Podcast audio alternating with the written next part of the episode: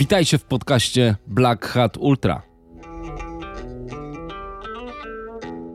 Ja myślę, że wiele osób tak patrzy na ten park, na tych zielonych ludzików, którzy tam siedzą i tak skrobią i tylko takie złośliwe decyzje wydają. My nie mamy złych intencji, tym bardziej ja dzisiaj. Ja po moim póki co krótkim incydencie z bieganiem mam kompletnie inne myślenie niż miałem, myślę, jeszcze z 8, 9, 10 lat temu. Naprawdę, we, we mnie się to diametralnie zmieniło.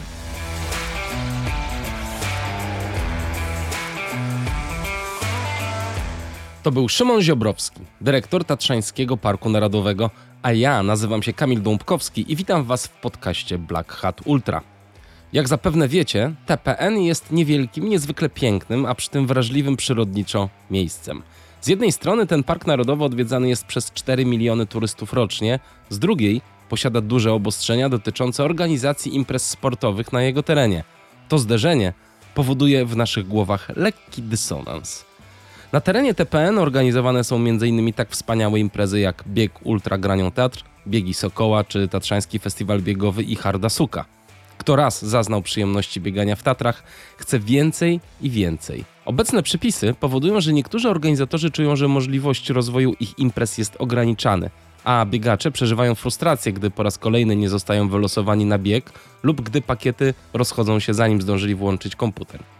Szymon stawia problem organizacji imprez sportowych w Tatrach w szerszym kontekście i wyjaśnia, dlaczego jest tak, a nie inaczej, z czym się zmaga, wydając pewne decyzje oraz jakie są jego motywacje i intencje. Zadaję też Szymonowi pytania od Was dotyczące wstępu psów i rowerów do TPN, zamkniętych szlaków i planów rozwoju na przyszłość. Posłuchajcie.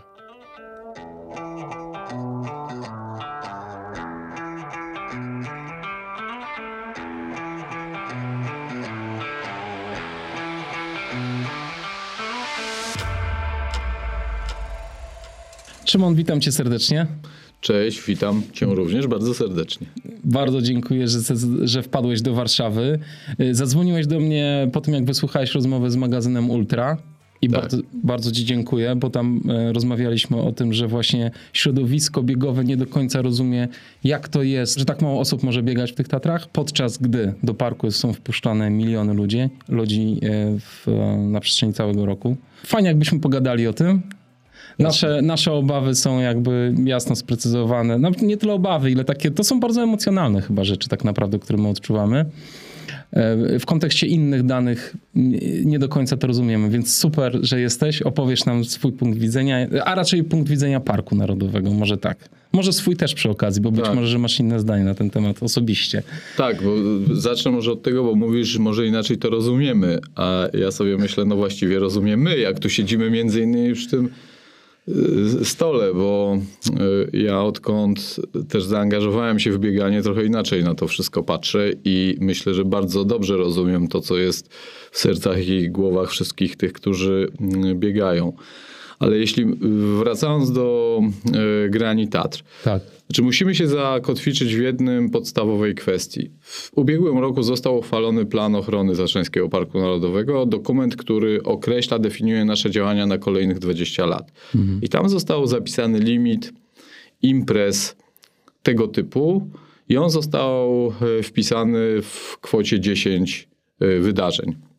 Musimy to rozdystrybuować pomiędzy imprezy zimowe i, zimo, i imprezy letnie. 10 wydarzeń w ciągu roku? W ciągu roku, tak. Sportowych w tak, Tatrach? Tak, tak, tak. No dobra, ale kto podejmuje tę decyzję, że jest tego 10? No to już zostało wpisane do planu ochrony. No, plan ochrony przez, przez, kogo? Y, plan ochrony został przygotowywany przez grono ekspertów, którzy zajmują się, zajmują się y, ochroną przyrody. Okay. Jest oczywiście w tym bardzo wiele arbitralnych decyzji. Ja tego, to, to jest dla mnie sprawa oczywista, bo w ochronie przyrody trzeba niestety podejmować często arbitralne decyzje, bo no, ochrona przyrody nie jest jednoznaczna mhm. i też nie zawsze ją dobrze y, rozumiemy. To nie jest 1 plus 1 równa się 2, tylko może się okazać, że w tym przypadku 1 plus 1 równa się 4. A, a, też prawda jest również i taka, że tej wiedzy o przyro- tą wiedzę o przyrodzie y, mamy, ale ona też nie jest y, kompletna i zupełna i takie elementy, o czym się też zapomina, patrząc oczywiście na to z zewnątrz, że taki element ostrożnościowy przy opracowywaniu tego, dokumen- tego typu dokumentów, no też trzeba mieć y, w głowie, żeby przypadkiem nie zrobić o jeden krok za dużo, który potem y, spowoduje skutki no, no nieprzewidywalne skutki. Tak zresztą mówi się o ociepleniu klimatu, że jeżeli przekroczymy pewną barierę, no to już nie będzie odwrotu. Więc to jest jakby podstawowy taki element, o którym trzeba pamiętać, że jest ta kwota 10 i my musimy się w niej zmieścić, dystrybuując te cyfry na poszczególne imprezy. Zimowe i letnie. No i w związku z tym przyjęliśmy sobie taką filozofię, że spróbujemy wprowadzić różne kategorie imprez biegowych. Tam biegi, powiedzmy, nie, nie pamiętam dokładnie jak to jest, ale załóżmy tam do 20, 30, 40, 50 y, kilometrów. I w tym roku, ja nie mówię też, że to zarządzenie, które zostało przeze mnie podpisane, ono jest doskonałe. Ja jestem zwolennikiem takiego uczenia się przez eksper- eksperymentowanie, więc wydaliśmy taką pierwszą wersję y, tego zarządzenia. Jakieś formaty biegowe y, wpisaliśmy do tego zarządzenia. Też oczywiście biorąc pod uwagę to, Formaty, się- czyli masz na myśli długość tak, biegu. tak, tak, tak, tak. Y, Też biorąc pod uwagę to, co dzieje się w Tatrach, no bo nie ma co abstrahować od tego, że y, w Tatrach od wielu lat pewne imprezy biegowe się rozgrywają. One po prostu tam są. I też nie chcielibyśmy ich po, zwyczajnie wyeliminować, choć tak patrząc zupełnie z zewnątrz obiektywnie, być może powinniśmy zrobić, nie wiem, y, powstawić białą kartkę, mamy y, limit 10, proszę zgłaszać, y, nie wiem, tworzyć nowe, pokazywać nowe imprezy. Nas nie interesuje to, co już było, tak? Y, s- Mamy zupełnie białą kartkę, próbujmy ją zapisać od nowa. No, ja jednak uwzględniam to, co w Tatrach się już dzieje. No i zrobiliśmy takie podejście, y, żeby to, tą dystrybucję imprez biegowych jakoś rozpisać w tym roku. No i tak się złożyło, że bieg granią Tatr y, no nie zakwalifikował się do, e, e, do, do tej puli. No ale też trzeba pamiętać o tym, bo o tym się za, za, też zapomina, że do tej pory bieg, bieg granią Tatr roz, rozgrywał się co dwa lata. Tak, E, Na przemian z Tatra Fest biegiem. tak. No więc też nie ma co ukrywać, że też braliśmy i ten element pod uwagę, dokonując tych naszych y, rozważań, wiedząc, że zarządzenie, które zostało wydane, no nie jest doskonałym dokumentem i trzeba pogodzić tutaj naprawdę y, różne strony. No trudno mi sobie wyobrazić to, że nie odbywałby się w tym roku bieg Marduły, którego tak bardzo wiele osób y, lubi. Więc być może zachowaliśmy trochę status quo i utrzymaliśmy to, co jest, biorąc pod uwagę pewne wytyczne y, z zarządzenia, ale też celowo i świadomie, bo, bo były tu różne też y, y, myśli, mogliśmy tej dystrybucji biegów dokonać na 5, 6 albo i 10 lat, ale Tak. wiedząc, że ten dokument jest niedoskonały, zrobiliśmy to na rok i mieliśmy już pierwsze takie spotkanie z dziewczynami, gdzie jakieś wstępne myśli się już pojawiły. Nie chcę zdradzać oczywiście szczegółów, szczegółów jakby to można było w Tatrach y, poukładać. Tutaj oczywiście stawiam duży cud- cudzysłów, e, mając na względzie to, że być może słucha nas jakiś kolejny organizator i chciałby złożyć podanie o nowy bieg, a mamy ten limit 10 imprez. Tak. Czy jest coś, co organizatorzy, organizatorki w tym przypadku biegu Ultra Granią Teatr mogłyby zrobić, żeby móc co roku puszczać swój bieg? Mm, No nie chcę tutaj wychodzić trochę przed szereg, ale dla nas jest ważna jedna No właśnie, co jest ważne dla was? Dla nas, jest dla nas ważne jest to, żeby oprócz tego, że bieg się odbywa, jest pewną imprezą, wiadomo jak to wszystko się dzieje, y, ten bieg jest na, teren, na terenie Parku Narodowego, y, co nie jest takim typowo, znaczy może inaczej, znam przykłady parków narodowych na świecie, gdzie konsekwentnie odmawia się y, wykonywania takich imprez ze względu na to, że przyjmuje się taki pogląd, że po prostu impreza sportowa w Parku Narodowym nie tyle szkodzi na zwierzętom, roślinom, tylko kreuje czy, czy, czy, tworzy trochę z Parku Narodowego coś na kształt boiska sportowego. Jest to oczywiście takie trochę ideologiczne y, podejście, że Park Narodowy, Parku Narodowego niekoniecznie trzeba łączyć, czy Park Narodowy niekoniecznie trzeba łączyć ze sportem. Można się z tym zgadzać, można się z tym nie zgadzać. Natomiast fakt jest taki, że akurat te imprezy są na terenie parku. I to, na czym nam zależy, to to, żeby wszystkie te imprezy jakoś wpisywały się e, w ten kontekst. I są takie imprezy w Tatrach dzisiaj, które, e, które oprócz tego, że e, czy, czy organizatorzy, że organizują bieg, to organizują jeszcze wiele mniejszych eventów, imprez, Y, typu posprzątajmy razem, wy, wybiegnijmy razem na y, wycieczkę po Tatrach i trochę o tych Tatrach sobie poopowiadajmy, które ten kontekst moim zdaniem dobrze rozumieją. Tworzą, czyli oprócz tej głównej imprezy, generuje się pewne dodatkowe różne takie imprezki czy podimprezki, które się fajnie właśnie wpisują na przykład w nasze wątki edukacyjne. Ja już nie wspomnę o tym, yy, o pakietach. Y, bo y, uczestniczyłem w ubiegłym roku w takim biegu, że po prostu byłem zażenowany tym, jak ten pakiet wygląda. W sensie tam było kupa plastiku, kupa niepotrzebnych. Zresztą chyba mówiliście, już nie pamiętam w którym podcaście też na ten temat i o sensowności tych pakietów, tak. ale już... Też, też, też z magazynem Ultra ostatnio przynajmniej. Po prostu no, mnie szlak trafia, jak widzę, że impreza, która się odbywa na terenie parku, daje do tego pakietu coś, co jest nikomu do niczego niepotrzebne, tylko dostali to od jakiegoś sponsora i muszą pakują to i tak. po prostu jeden plastik. Więc y, y, y, co, co, w ogóle już jakby z naszej perspektywy i tego miejsca, w którym to jest, odbywa się, nie, nie jest akceptowane.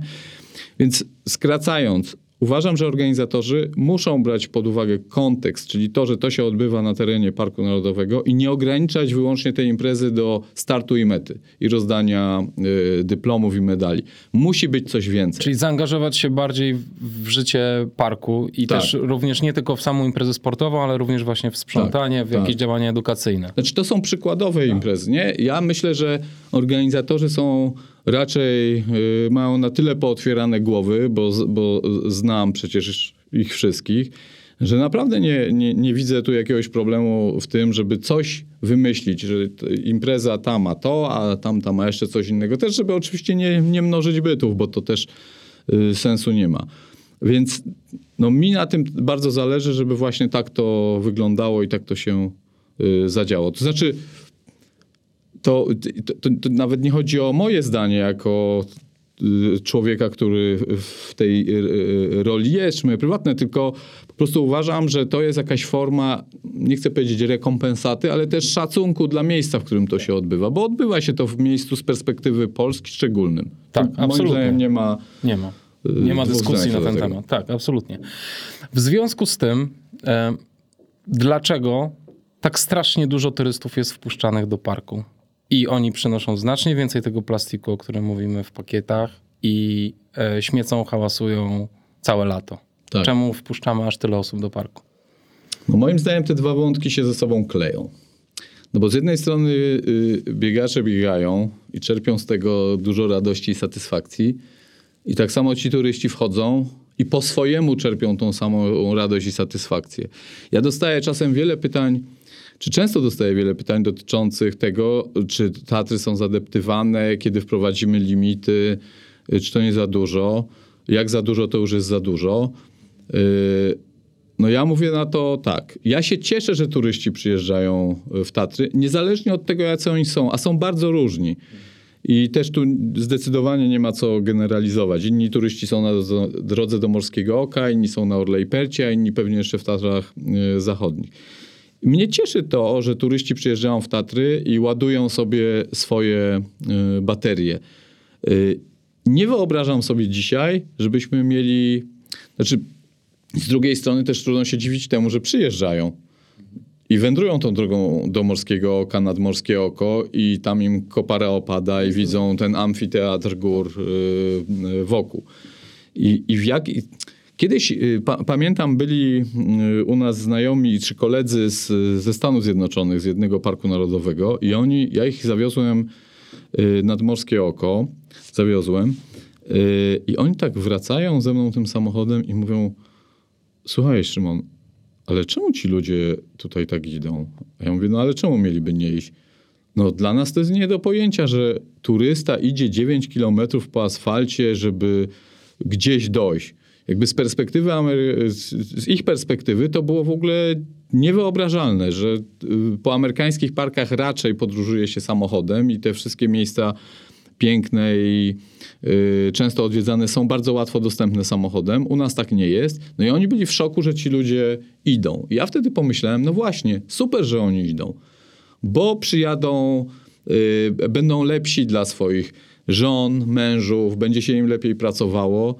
W związku z tym my kompletnie w mojej głowie nie ma limitów y, i ograniczenia. I w ogóle w nauce o ochronie przyrody mówi się o tym, że limitowanie to jest totalna ostateczność, że trzeba edukować, raczej y, próbować y, y, tych turystów przerzucić w inne miejsca, zachęcić ich do odwiedzania innych miejsc. Natomiast limity to jest bardzo, są bardzo trudne do wyegzekwowania i że to jest taka ostateczna ostateczność. No dobra, ale są limity na imprezy sportowe Mhm. i na ilość biegaczy, a nie ma limitów dla turystów.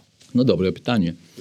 No to znowu jest, wracamy do planu ochrony. Otóż no, limity są y, zdefiniowane w planie ochrony i to również była arbitralna y, decyzja. Czy dobra, czy nie, moglibyśmy tu pewnie na ten temat rozmawiać do końca na tego pewno. tygodnia. One po prostu są i trzeba to po prostu uznać jako fakt. I można y, jak najbardziej zmienić plan ochrony. To wymaga y, przeprowadzenia całej procedury legislacyjnej. I ja też nie mówię, że tego nie zmienimy. Czyli co, pisma do ministerstwa? Nie, nie, no to czy... musimy oczywiście, trzeba przygotować projekt, trzeba ten projekt złożyć. On musi przejść całą procedurę legislacyjną, yy, ponieważ to jest wydawane jako rozporządzenie ministra środowiska, więc to jest normalny, powszechnie obowiązujący akt prawny. I ja nie mówię, że tego dokumentu się nie da zmienić. I być może, znaczy nie mówię, że to zrobimy, ale być może jest y, jakaś, wydarzy się coś takiego, że powiemy, ok, te limity są za małe, jest tak duże zainteresowanie y, biegami górskimi, że te limity trzeba zwiększyć albo i zmniejszyć. Bo to zawsze otwarcie takiej mm, dyskusji może, może spowodować wręcz odwrotne y, skutki. Póki co mamy limit na 10 imprez i limit y, uczestników. W związku z czym ja, ja swoje y, decyzje, czy decyzje administracyjne, bo właśnie na organizację te decyzje są wydawane, muszę się tym, tych limitów trzymać.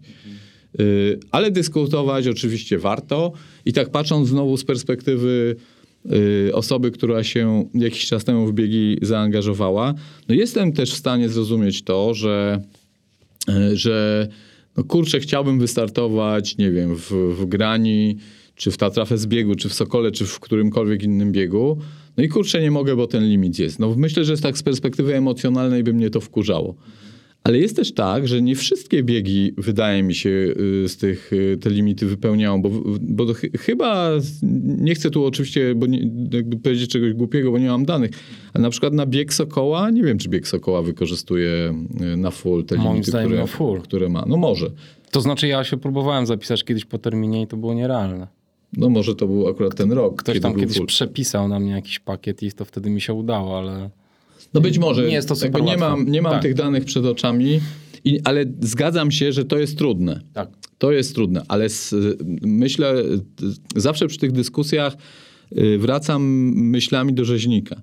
Ja oczywiście nie znam tej historii, jak to tam się podziało. Wiem tylko tyle, że w pewnym momencie rzeźnik musiał wyemigrować z parku. No ale teraz pytanie, jak to się wszystko podziało, bo jak wiadomo, w każdej sprawie każdy kij ma dwa końce. Wydaje mi się, chociaż mówię, nie znam dokładnie tej, te, te, tego przypadku, że tam z kolei sytuacja była puszczona na totalny żywioł. I pamiętam y, relację z dyrektora, który mi opowiadał, że po prostu on ma nagle jakieś setki biegaczy w parku. Kompletnie było to niezarządzone wtedy. No i efekty są, jakie są. My jakoś nam się udało, nie wiem, czy tu intuicja zadziałała, czy co, ogarnąć to parę lat temu. I myślę, że kwestie y, biegów są w pewnych ryzach, ale to też powoduje, że wszystkie, że, że te imprezy są rozgrywane z roku na rok i też jest jakaś przestrzeń do dyskusji. No bo być może popełniliśmy błąd, dokonując pewnej klasyfikacji formatów biegowych. Ja używam tej nazwy, bo jakoś ją lubię. Y, Ale fakt jest też taki, że te formaty funkcjonują w świecie. Że jednak no, organizuje się maratony górskie, prawda? Czyli tam bieg na plus minus 40 kilometrów. Od, y, odbywają się biegi tam, nie wiem, na 30 parę kilometrów.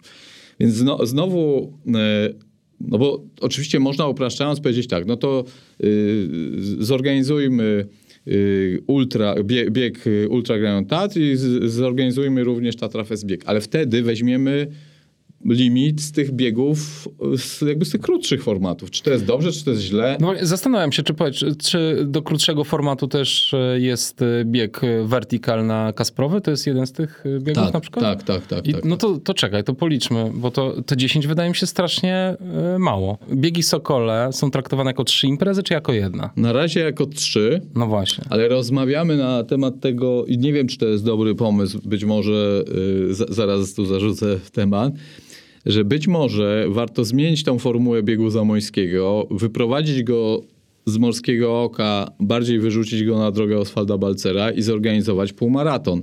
Ja wiem oczywiście, że bieganie po tym falistym terenie w stronę Wierchu Porońca nie jest takim typowym ulicznym biegiem miejskim, ale znaczy, to by oznaczało, że ten bieg jest organizowany na drodze publicznej, więc on moim zdaniem by się do tego limitu nie wpisywał. Z, z, powstałby znowu jakiś format y, bieg na 20 km plus minus. Y, tak, ja oczywiście, ta moja biega, głowa biegacza jest y, niezbyt doświadczona, ale sobie myślę tak, no wolę, ja bym chyba chciał wystartować właśnie w, w, takim biegu, który ma jakiś swój, nie chcę powiedzieć sens, ale gdzieś jest zakorzeniowy, zakorzenio, ty- jest tradycyjnie gdzieś zakorzeniony, nie? Tak jak maraton. Tak. Y, No ale rozmawiamy na ten temat.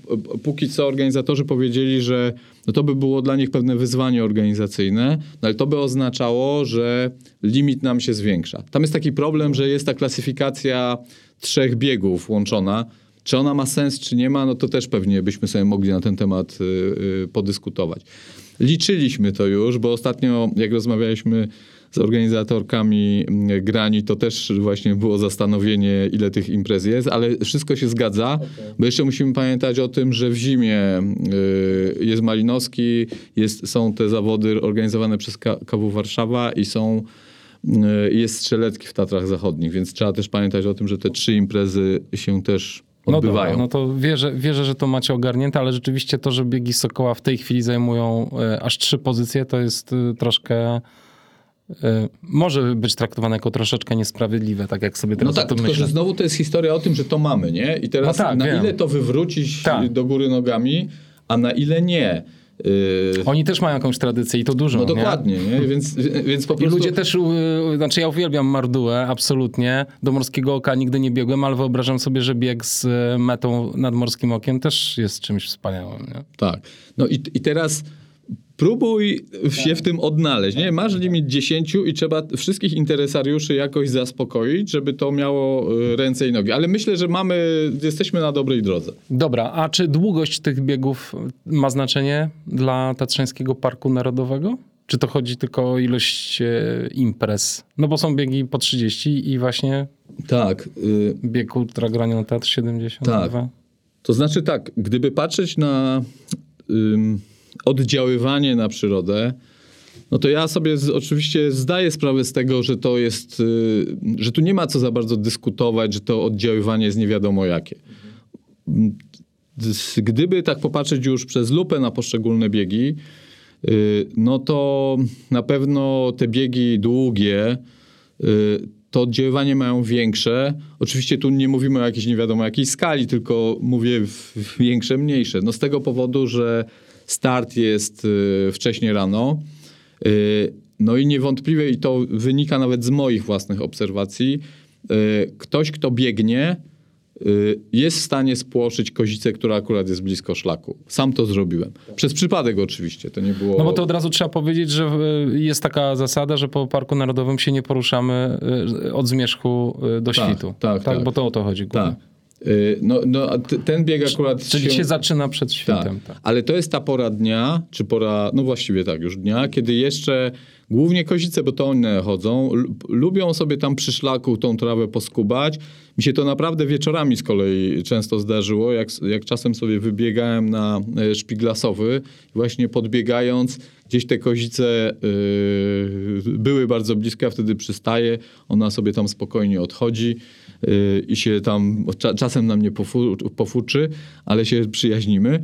No więc jak kozica jest zaadaptowana do tego, że turyści się poruszają powoli, to ona się tam pasie, może się trochę odsunie. Ale w momencie, kiedy ktoś biegnie, szybko się przemieszcza, to jest zupełnie, zupełnie inna historia. Ten sam problem jest w skiturach, że y, wszyscy nam mówią, no ale co za problem. No ale inaczej reaguje właśnie kozica na piechura, a inaczej na szybko przemieszczającego się y, narciarza. No i to jest, ten, to jest ten główny problem związany z oddziaływaniem. Ja nie mówię, że ono jest wielkie, bo też jakby mam świadomość tego, że właśnie tych tłumów, które przez Tatry przechodzą i te, tego, że ktoś sobie, nie wiem, treningi może y, na przełamaniu nocy i y, dnia y, robić. Natomiast z tej perspektywy ten rodzaj biegów jest naj, ma największe oddziaływanie. I teraz pojawia się pułapka. Bo w momencie, kiedy dochodzi do zwarcia między parkiem a organizatorami, no to zaczyna się już taki proces administracyjny. To się pojawiają takie, taka sytuacja, że y, ja wydaję decyzję jakąś, tak? Jest odwołanie. y, No i teraz ja dostaję w takim odwołaniu pewne informacje wytyczne, bo to jest normalnie, to się dzieje w procesie administracyjnym, na co powinienem, dla, z jakiego powodu moja decyzja pierwotnie wydana y, była uchylona. No i w tych wytycznych często jest tak, za mało pan pokazał oddziaływania na przyrodę. No to ja tego oddziaływania, to ja okej, dobra, no to go pokażę więcej. I teraz może się pojawić taka sytuacja, że y, jak wykaże więcej, no to dru- organ drugiej instancji powie, okej, no faktycznie ma pan rację, za dużo oddziaływania. Nie można robić tego biegu. tak. No i teraz pytanie, co dalej? No, to pytanie zostałem bez odpowiedzi. Nie chciałbym tej, tej sytuacji, dlatego też, dlatego też Są pewne obszary w tej całej sprawie, których lepiej nie dotykać. No tak jak to w życiu. Ale to nie jest, to to jakby przeze mnie też przemawia pewna y, pragmatyka, no bo y, życie, jak to mówi mój zastępca, pisze różne scenariusze, nie? Czasem się ma dobre intencje, chce się dobrze, czasem tu emocje różne grają, ale, ale y, ten efekt motyla może właśnie wystąpić tam, gdzie się go najmniej spodziewamy, jak to efekt y, motyla. Więc, więc, ale też dlatego ja się nie zamykam na rozmowę, dlatego też spotkaliśmy się z organizatorkami, porozmawialiśmy na ten temat, jakby to można było w przyszłości tym zarządzić. I tak jak już tu po, po mówiłem parę razy, jesteśmy, wydaje mi się, na dobrej drodze. Mhm. Czyli jest szansa, że pewnego roku może, może pójść Tatra Fest bieg i bieg Ultra Granią Tatr? No myślę, Jest- że to wszystko jest jest, do, jest do ogarnięcia, ale to też tak jest, że my jako ludzie w tych klapkach naszych jesteśmy i widzimy tylko ten tunel przed nami. Ja, moja głowa na szczęście tak nie działa, co denerwuje mm, pracowników Tatrzańskiego Parku Narodowego, bo mi się te piłeczki ciągle gdzieś pojawiają, ale też szukamy rozwiązania, bo też ja myślę, że wiele osób tak patrzy na ten park, na tych zielonych ludzików, którzy tam siedzą i tak skrobią i tylko takie złośliwe decyzje wydają. My nie mamy złych intencji, tym bardziej ja dzisiaj. Ja po moim tam póki co krótkim incydencie y, z, z bieganiem y, mam kompletnie inne myślenie niż miałem, myślę, jeszcze z 8, 9, 10 lat temu. Naprawdę. We, we mnie się to diametralnie zmieniło. To, miałem- co, to opowiedz o tym, bo to jest bardzo ciekawe. czy pamiętam, że jak pojawiał się w ogóle pomysł z y, biegiem y, granią teatr y, i pamiętam... 2013 rok, Tak? przypomnijmy. Okej. Tak. Bo ja już tak, mi się już to mytla wszystko. To dziewczyny wtedy przyszły do parku, pamiętam. No i była dyskusja, czy ten bieg organizować. Był duży opór u nas. Pamiętam, że tam się nawet pojawiły takie koncepcje, że żeby ten bieg przeprowadziły, to będą musiały nam płacić y, równowartość naszych strat związanych z tym, że turystów nie będziemy mogli puszczać na szlaki. Ja się dzisiaj trochę z tego śmieję. Było to dość, było to dość naiwne, przyznaję. Z drugiej strony, ja, ja, pamiętam, że wtedy właśnie pojawiały się takie w zagranicznej prasie artykuły dotyczące rozgrywania imprez sportowych na terenach chronionych. Czy to jest dobrze, czy to jest źle, czy właśnie to robienie boiska sportowego z Tatr to jest dobrze, czy to jest źle. Yy, była to oczywiście, tak jak już wcześniej mówiłem, rozmowa trochę ideologiczna, czy tak należy robić, czy właśnie wciskanie tego sportu. To jest bardziej taka odpowiedź na pytanie, jak sport w Tatrach wpływa na patrzenie i myślenie o Tatrach, nie? Też do maja byśmy tu pewnie na ten temat mm, rozmawiali. No i wtedy no, niewątpliwie doszło do tego zwarcia e, między nami. Jakoś się to udało ogarnąć. Ustaliliśmy wtedy, że bieg będzie się odbywał co dwa lata. I tak to funkcjonuje po dziś dzień. No natomiast y, no, w moim życiu zdarzył się taki moment, że, yy, że, jak, że, że się zaangażowałem w bieganie to się w ogóle wzięło nie od biegania, tylko jest taka e, impreza e, skiturowa, Patrol de Glacier, on się odbywa e, w Szwajcarii co dwa lata. No i wpadliśmy na pomysł ze, ze znajomymi, żeby wystartować. Nie wystartowaliśmy, bo COVID wtedy przyszedł na świat. Ale ja się wtedy mocno wkręciłem w aktywność. Zaczęło się od skiturów, no ale nagle maj. Co teraz? No to bieganie. I odkąd się to. Yy, w, w momencie, kiedy ja złapałem tego bakcyla i nie byłem w stanie opuścić praktycznie ani jednego treningu. Słuchałem y, tej rozmowy z, y, nie pamiętam jak ma na imię i nazwisko, z chirurgiem. Kamil Dąbrowski. Tak, z Kamilem Dąbrowskim. Ja dokładnie tak samo myślę jak on. Po prostu nieodbyty trening to jakaś masakra w głowie. To torba, korba totalna. Ale o tyle też fajnie się poskładało, mm, bo szefowa naszej edukacji wkręciła się w to razem ze mną i myśmy te treningi sobie razem odbywali. Wiem, że teraz płynę trochę w bok, ale znowu mi się też klei takie pytanie, chyba też jemu zadałeś, czy fajnie jest trenować y, w dwójkę. Tak. Zajebiście fajnie. Po prostu yy, Beata, nie chce mi się dzisiaj iść. Co? To ja idę. Ty idziesz? No to ja też ja idę. Też idę. Tak, to jakby to jest, to jest super. Pamiętam kiedyś był lało, po prostu sobie myślę, nie idę, no ni cholery na tą Iwaniacką przełęcz nie wybiegnę, po czym sobie myślę, a włożę se spodenki, co tam, zleje mnie. Yy, I piszę do Beaty, ty, ja idę. A Beata, dobra, to ja biegnę, ale pobiegła od drugiej strony, więc też to, to jest super w, w kontekście motywowania. Wracając do wątku. Tak. Więc ja wtedy zrozumiałem, że to nasze myślenie wtedy, kiedy zaczynały się te dyskusje dotyczące grani, no, no, zupełnie nie uwzględniało drugiej strony, kompletnie. Znaczy byliśmy oderwani trochę od rzeczywistości w sensie takim, że nie weszliśmy w buty no tak. Y, trochę trudno, trudno wam się dziwić, bo jednak to był pierwszy bieg ultra organizowany tak, w Tatrach. Tak. Podejrzewam, że nikt nie wiedział w ogóle, jak to się skończy, jak, jak do tego podejść. To, co może dziwić, to fakt, że już w 2014 roku pojawił się Tatra Fest Bieg, tak? tak. Czyli drugi, y, y, umówiliście się z biegiem ultragrają Teatrze co dwa lata, ale już rok później poleciał inny bieg, tak. wtedy, kiedy tak. Bukta nie było. I to trochę to jest takie trochę może dziwne. No tak, tylko wiesz, no to już było tego nie odkręcimy. Mhm. Dużo różnych dziwnych decyzji. Myślę, że tak. Znaczy, te, mi się wydaje, że tak jest w życiu. No, podejmuje się różne dziwne decyzje. Ważne jest to, żeby wyciągać z tego dobre yy, wnioski i żeby nie tkwić cały czas w tych dziwnych, często nie do końca trafionych decyzjach. Tak jak powiedziałem, stąd to nasze zarządzenie to nie jest zarządzenie na wieki wieków amen, tylko to jest zarządzenie, które ma ewoluować. Ja zawsze powtarzam, yy, jakby u nas wewnętrznie, że podej podejmijmy tą trudną decyzję, na pewno będzie jakiś szał, zamieszanie, wariactwo, problemy, skargi, ale tyle, ile my się nauczymy przy okazji, to żadne inne rozwiązanie nam nie da. Więc ja taką mam filozofię y, życiową. To prawda. Y, to jest dobre. No więc wyciągawszy te wszystkie wnioski, odbywa, znaczy pa, parę rozmów się już odbyło. No i myślę, tak jak już mówiłem, jakoś to yy, poukładamy. Ale wracając jeszcze tak sobie myślę, że to jest nieprawdopodobne, bo, bo mnie to fascynuje trochę, że, to myślenie z perspektywy biegacza, ono jest, może być jak najbardziej takie emocjonalne. że tyle radości, ile daje bieganie, po prostu takiej nieprawdopodobnej radości, oczywiście mówię to też z pełną świadomością, że jest to jakaś forma nałogu, ucieczki, jakkolwiek to nazwać, że, że jeszcze bieganie po Tatrach, jak to Beata mówi, jak te łydki yy, wiatr owiewa, i po prostu ten moment, kiedy ta ziemia się przesuwa i nagle Y, y, jestem, nie wiem, na granatach, za chwilę na kościelcu, a za chwilę na świnicy i to wszystko zrobię tam, nie wiem, w parę godzin.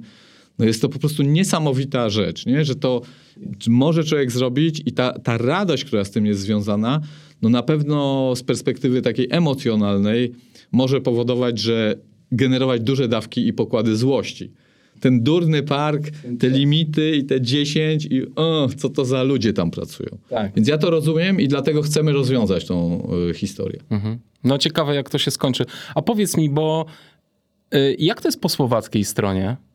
Jak to tam wygląda? Bo szczerze powiem, to ja nie zbadałem dobrze sprawy. Szczerze powiem, też nie zbadałem. Okay.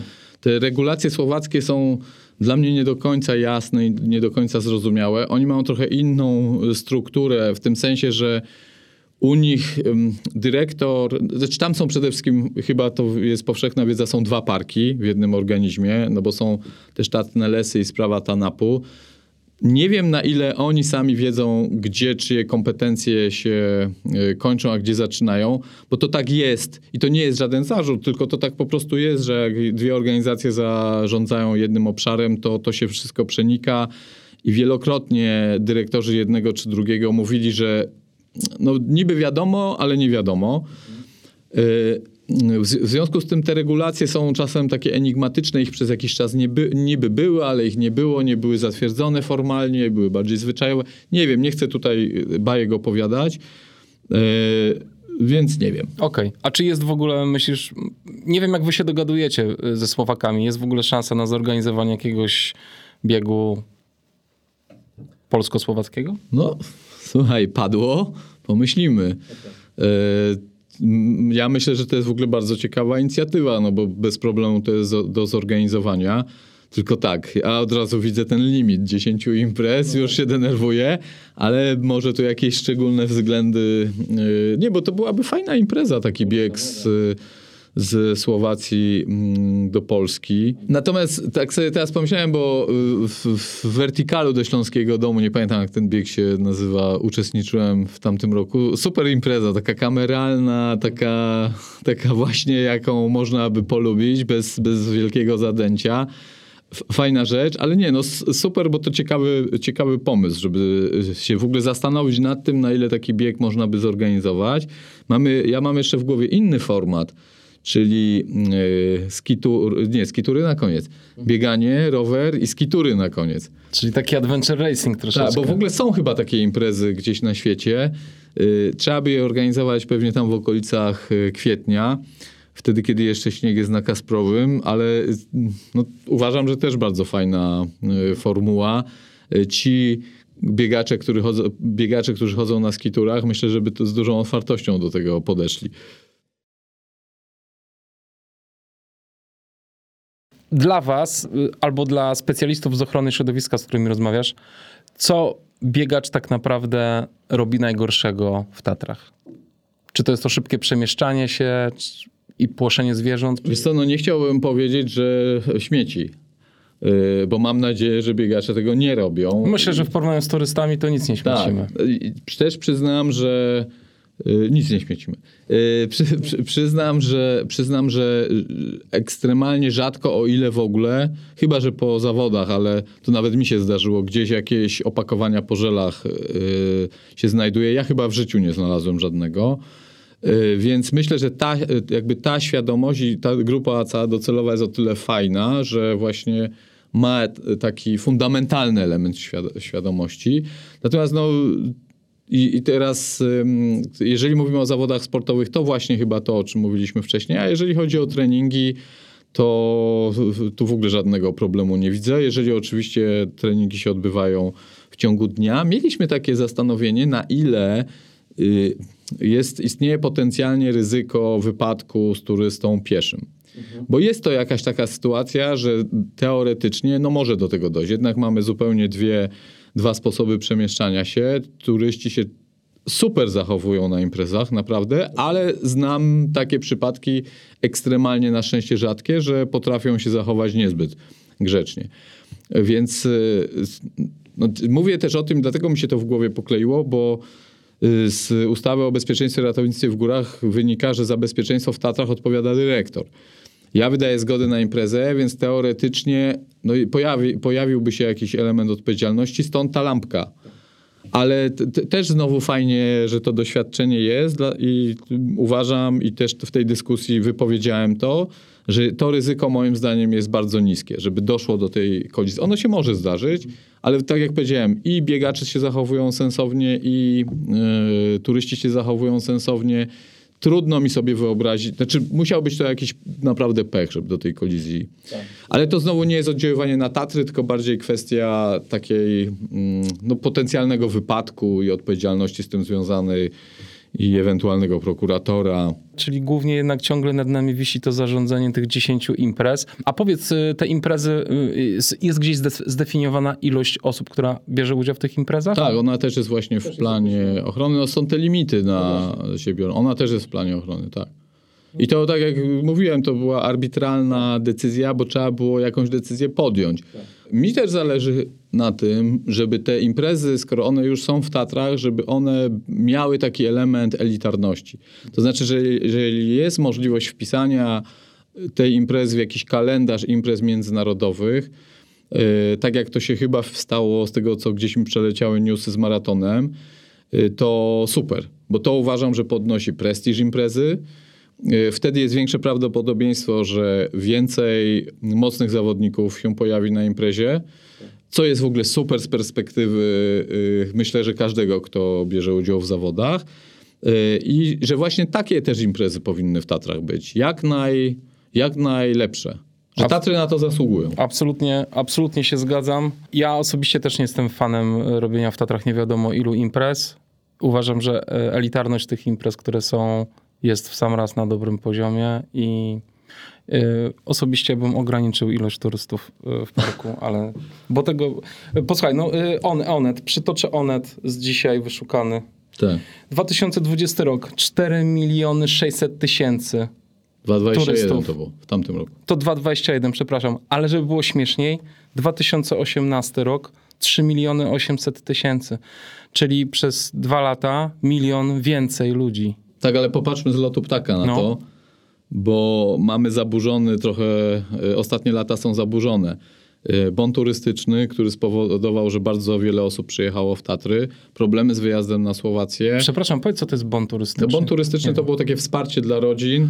Jeżeli, też nie do końca wiem jak to działało, no ale jeżeli y, była to jakaś kwota pieniędzy, która przysługiwała na dziecko, no i można było, no to był pieniądz, o okay. może tak. Takie wsparcie rządu dla, w związku z sytuacją y, pandemiczną, żeby trochę turystykę y, pobudzić, pobudzić dokładnie. Mhm.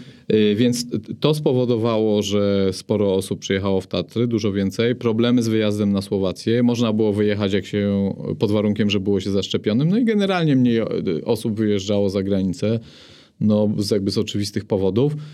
No i Wydaje mi się, że te czynniki wpłynęły na to, że więcej turystów było w tym roku, w tamtym roku w Tatrach. Czy to się utrzyma? Nie wiem, zobaczymy. Ciekawe. Ciekawe, bo sam fakt y, pandemii jednak y, nie odpuszcza i, tak. i widać ewidentnie, że ludzie mniej się ruszają, tak czy siak. Ale Może... zaczęli chyba więcej wyjeżdżać. Widzimy, że jest dużo, bo to jest dużo, mhm.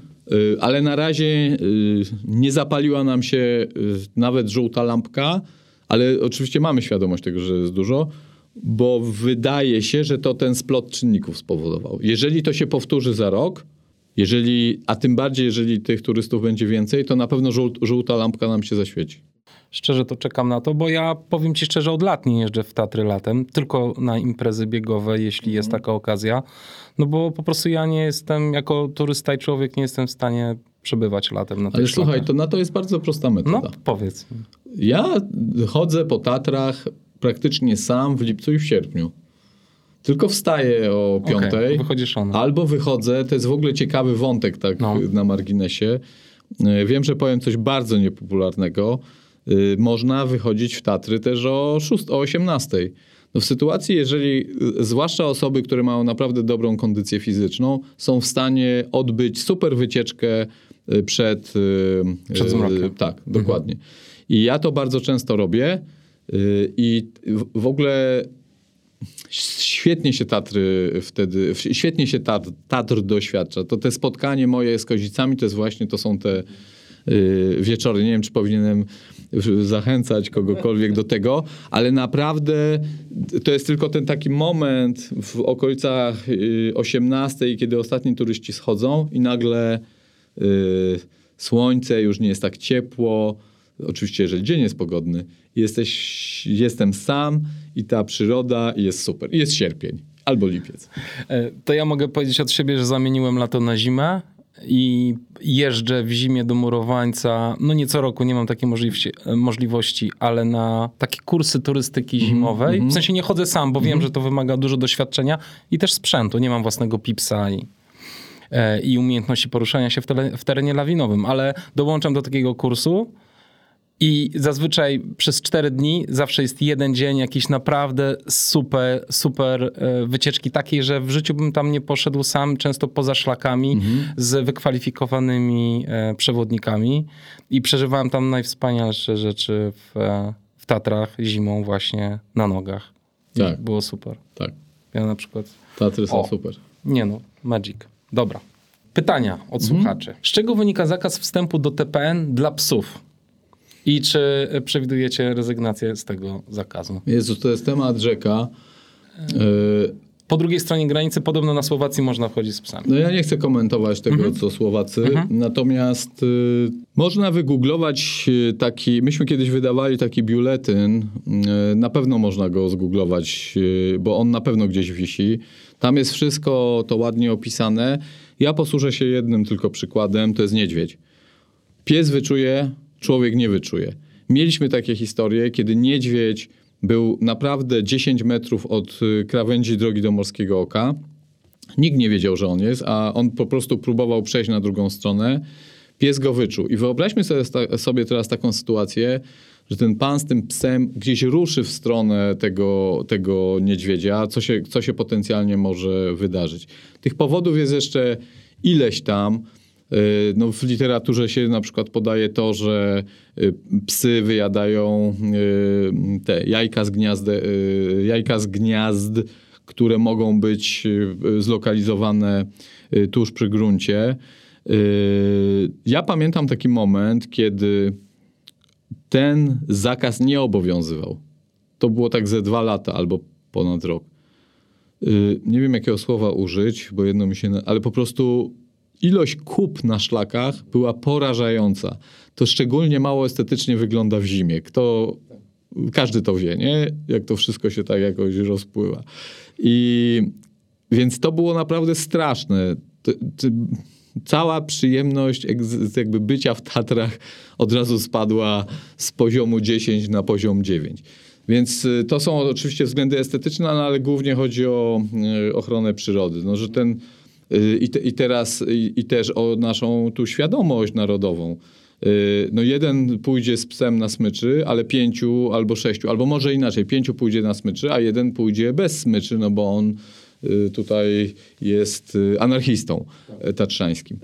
Y, I właśnie może się wystąpić ta historia albo z y, niedźwiedziem, no albo nagle pies zacznie biegać za łanią. Więc my wprowadziliśmy tą zasadę i ona wcale nie jest jakimś ewenementem. W, w Stanach jest dokładnie to samo. W wspomnianej Szwajcarii jest dokładnie to samo. Ja bym powiedział, że w parkach narodowych to jest raczej zasada niż wyjątek. Ja akurat się totalnie z tym zgadzam. Ale można do Doliny Chochołowskiej z psem iść. Można. Tak, do schroniska. A właśnie, to ja mam od razu pytanie o doliny i schroniska. Czemu nie można podjechać rowerem? Gdzie? Do No, Chochołowskiej tak, można. na przykład. Do Chochołowskiej można. Można? Na, do, y, na halę gąsienicową można. No, jest tam Aha. parę tras Bo udostępnionych. ja gdzieś usłyszałem informację, że w ogóle nie ma wstępu do TPN z rowerem. Jest, jest, jest. To znaczy te kontrowersje pojawiają się w kontekście drogi do Morskiego Oka, no asfalt i tak dalej. Natomiast no, tam kiedyś doszło do, jakiego, do tragicznego wypadku i wtedy wprowadzono zakaz poruszania się rowerem tam. do, Ja Orna- sobie tego... do Ornaku można na rowerze, czy nie? Nie, Nie. nie. Ja sobie zresztą nie wyobrażam, przyznam szczerze, y, tego ruchu rowerowego na drodze do Morskiego Oka. Nie, no to masakra. Konie, ludzie, samochody, jeszcze rowery. Ale ja, znaczy powiem tak, wystarczy się trochę rozejrzeć wokół Tatr, jest mnóstwo super y, tras y, rowerowych, tylko trzeba po prostu popatrzeć na mapę. Nie, ja to akurat y, pyta, pytam mm, jako biegacz, który, wiesz, ma ochotę sobie pobiec na mało łączniaka, a nie chce mu się tłuc 6 km doliną, tylko podjechać rowerem, zostawić pod schroniskiem. A, takie wiesz. Nie, no Takie. to, to oczywiście można zrozumieć, nie? Że, tylko że gdyby to znowu dotyczyło jakiejś elitarnej grupy i to byłoby x wjazdów osób odpowiedzialnych, to spoko, nie? Ale jakby to za chwilę... No, mieliśmy taką sytuację, że wyremontowaliśmy drogę do, na halę gąsienicową do schroniska. No i ona z takiego, z tych kocich łbów została wyrównana. I od razu tam się pojawili rowerzyści od razu potencjalne, y, znaczy może nie potencjalne, tylko kolizje z pieszymi. W ogóle historia konfliktów między takich mentalnych między rowerzystami a pieszymi jest super opisana w literaturze. To jest zjawisko, które istnieje. Jedni nienawidzą drugich. Więc to znowu wydaje się, że no wprowadźmy, nie? Ale to generuje potem różne problemy społeczne. Znaczy wyobrażam tylko. sobie tak, że też e, bezpieczeństwo, jakby nagle się pojawiły całe watachy rowerzystów, a przecież nie ograniczymy nagle ruchu tych No i rowerzystów. znowu wracamy do tych pozwolimy. 4-600 Tak. miliona, nie? Że za dużo się po prostu w tych Tatrach dzieje. Dobrze. Który z nieistniejących szlaków najchętniej byś otworzył? No żaden.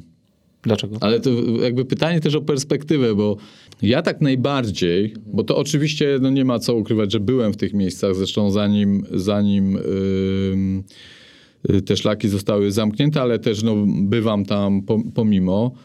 Ym, no to bardzo wiem, z czego to wynikało, dlaczego to zamknięcie nastąpiło, bo to jest bardzo wrażliwy y, teren, taki tur, y, przyrodniczo y, taki matecznik bym powiedział, no to, to jest Bobrowiec w Tatrach Zachodnich. Tam była wspólna decyzja polsko-słowacka, że ten szlak, te szlaki zamykamy i uważam, że to była dobra decyzja, bo to jest takie główne miejsce, gdzie można spotkać i i watachy wilków.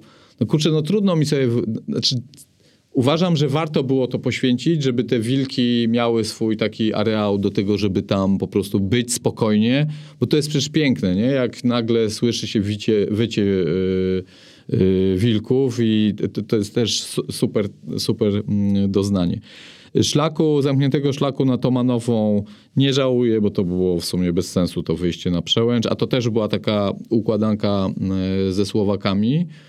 Yy, No na gładką przełęcz też szlak zamknięty dawno, dawno temu też wydaje mi się, że ż- żadna nowina, można sobie wyjść na gładką przełęcz od strony słowackiej. Natomiast szedłem parę razy, no i to byłoby pewnie trudne i to właściwie nie nasza decyzja. Jest takie przejście mniej więcej z rejonu Kasprowego do Pięciu Stawów przez gładką przełęcz. Ten szlak już nie istnieje.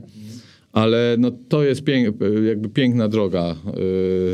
I być może gdybym tak się miał odciąć od wszystkiego, to to byłoby to miejsce, które ja, gdybym nie pracował w parku, nie znał kontekstu, nie rozumiał te, tego, dlaczego jest tak, a nie inaczej, to może bym sobie o tym szlaku yy, zamarzył. Ale też trzeba szanować decyzję Słowaków, że po prostu oni mm, tego nie udrażniają, nie udostępniają. Yy, I tyle, nie? To jest tak, jak po prostu jest zamknięte, trzeba to uszanować, bo pewnie jakieś yy, istotne powody za tym stały. Yy, I słuchajcie, pamiętajmy o tym, że Tatry są małe, o czym już była mowa, a one po polskiej stronie są naprawdę przecięte gęstą siecią szlaków. To jest 275 kilometrów, tego jest naprawdę dużo. Yy, więc tak zachęcam do tego, żeby popatrzeć na tą mapę Tatr, y, na ich niewielkość i na to, jak, jak one są poszatkowane. I w tym wszystkim muszą się odnaleźć niedźwiedzie, rysie, wilki, kozice, świstaki tam są bardziej stacjonarne.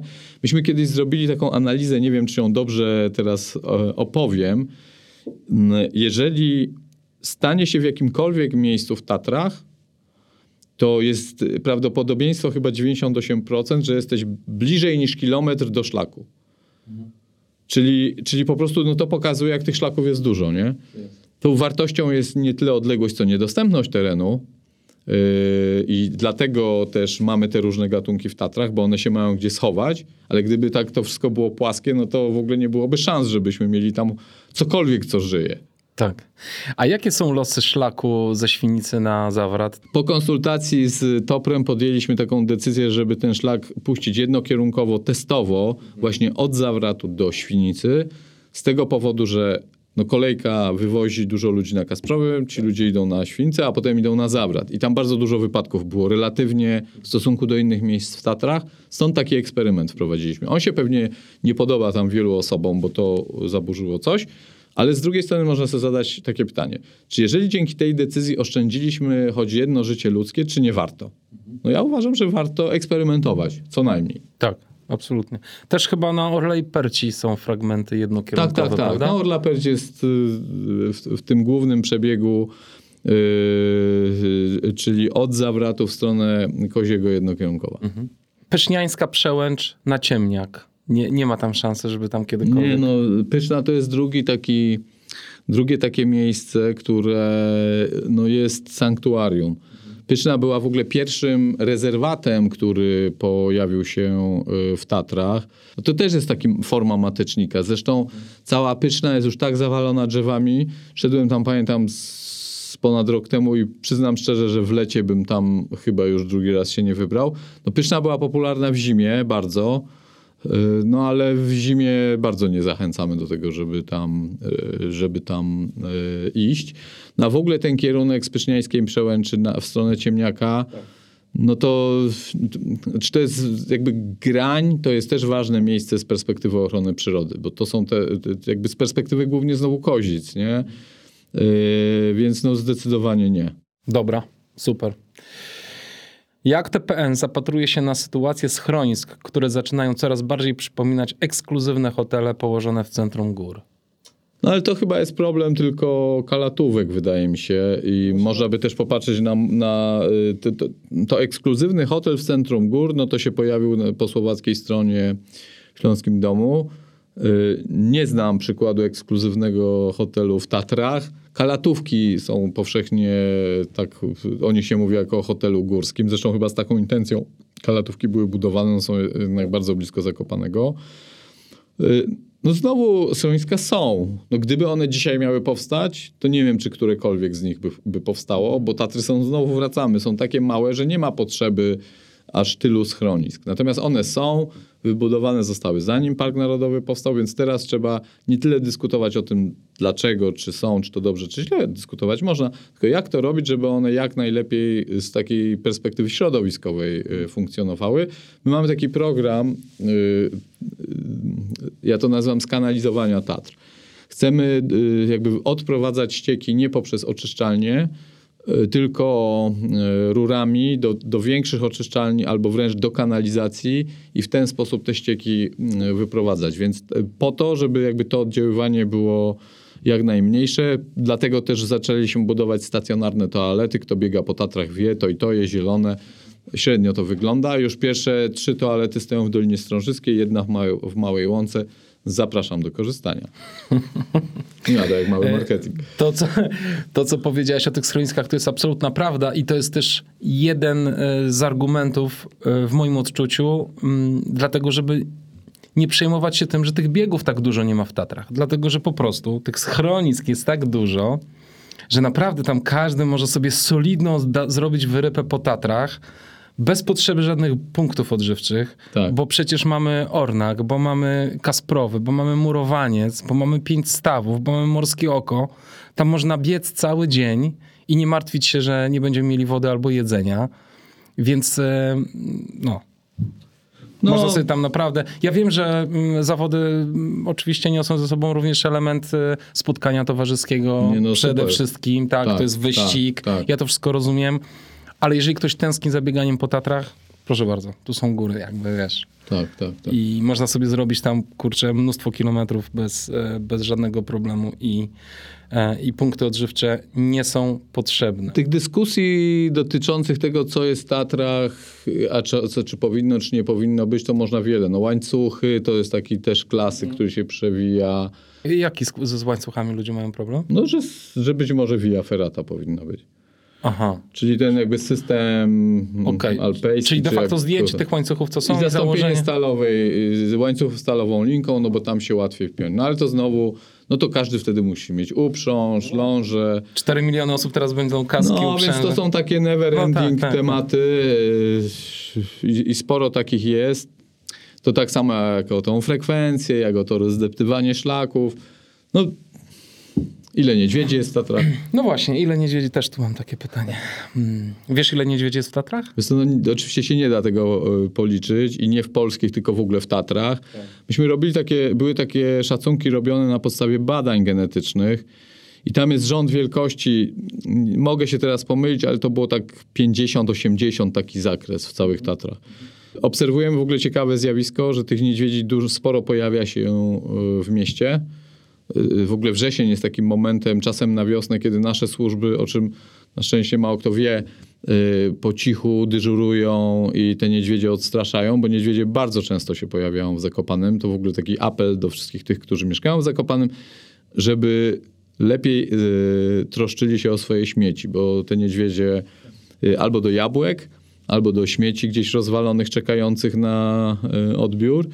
Więc pojawia się ich sporo w Zakopanem. My je musimy odstraszać kulami gumowymi. Robimy to.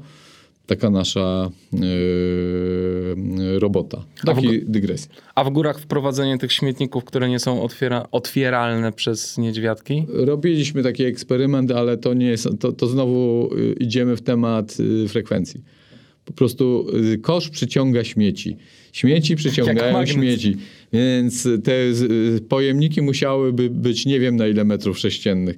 Ja, my koło TPN-u, koło dyrekcji mieliśmy taki kosz jeden. No ja jak przyjeżdżałem w poniedziałek rano do pracy, to, to wszystkie śmieci były i w koszu, a obok kosza była taka wielka góra śmieci. Poprosiłem, żeby to zdjąć i od tej pory nie ma tego problemu. No. Z czego wynika wysokość opłat uiszczanych na rzecz TPN za uczestnika biegu? Rozumiem, że to organizator odpro- odprowadza takie opłaty. Tak. I dlaczego te stawki są często kilkanaście razy wyższe niż opłata za bilet wstępu turysty, który pokonuje tę samą trasę? No, też ciekawe pytanie. Yy, Bilet wstępu kosztuje 7 zł, normalny. Te opłaty, z tego co pamiętam, 50 do 150 zł. Otóż ustawa o ochronie przyrody pozwala nam pobierać opłaty za wstęp i opłaty za udostępnianie. To są dwa jakby byty prawne. Opłata za wstęp w takiej kwocie, jak powiedziałem. Opłatę za udostępnianie. Aha, jeśli chodzi o opłatę za wstęp, to y, ustawa o ochronie przyrody nakłada limit. Ona nie może być bodajże większa w tej chwili niż 8 zł. Natomiast nie mamy limitów, jeżeli chodzi o y, tą opłatę za udostępnianie. I znowu arbitralnie kiedyś zostało to przyjęte, że te opłaty będą w takich kwotach i im bardziej, nie wiem, spektakularny, może oddziaływujący bieg, czyli znowu Grań Tatr, tym ta opłata będzie wyższa. Ja sobie kiedyś to tłumaczyłem i chyba to jest wciąż, yy, wciąż aktualne, że to jest taki element, jakkolwiek to być może będzie kontrowersyjne, że to jest element partycypacji biegaczy w, nie wiem, utrzymanie czy w ochronę Tatr. My tych pieniędzy, yy, one nie idą yy, ani na nasze wynagrodzenia, on, y, ani na y, żadne, nie wiem, na prąd, na wodę, tylko one są po prostu przeznaczane na y, różnego rodzaju projekty. Być może powinniśmy to, to trochę lepiej komunikować. Tak sobie teraz myślę, żeby jednak wszyscy ci, którzy płacą, y, mieli tą świadomość, że, że, że, że tak to te- pieniądze są y, wydawane. Więc y, no, z drugiej strony jest też tak, ja wiem oczywiście, że to nie jest, y, że to jest jakaś jedna z wielu kropel w skali naszych potrzeb, ale też y, ta ca cała infrastruktura, ten cały organizm, jaki, jakim jest park, no on wymaga też pieniędzy. Tak jak mówię, no, mówię to jakby z pełną świadomością, jakie to są pieniądze. No, że to jest właśnie jakiś tam element partycypowania w tych naszych kosztach, które są naprawdę gigantyczne. Tak, ta kanalizacja, o której wspomniałem, do Doliny Strążyskiej, pociągnięcie tej kanalizacji plus budowa tych em, toalet stacjonarnych, to są setki tysięcy złotych. No, to są po prostu kwoty y, gigantyczne, które my pokrywamy i z opłat za wstęp, i z parkingów. Bo jesteśmy parkiem, który jest dotowany, do, nie wiem, tam 6% to jest dotacja e, jakby budżetu państwa i okej, okay, niech tak będzie. Mamy to szczęście, jesteśmy, y, mamy to szczęście być w tym miejscu, w którym jest dużo turystów. Jest to i problem, i, i pewnego rodzaju szansa. Y, niech te pieniądze budżetowe idą na te parki, które mają y, tych możliwości mniej. Stąd to jest taka cegiełka, którą y, wkładamy właśnie w to, żeby Tatry były, y, żebyśmy my je mogli kochać i żeby nasze pokolenia przyszłe też je mogły kochać.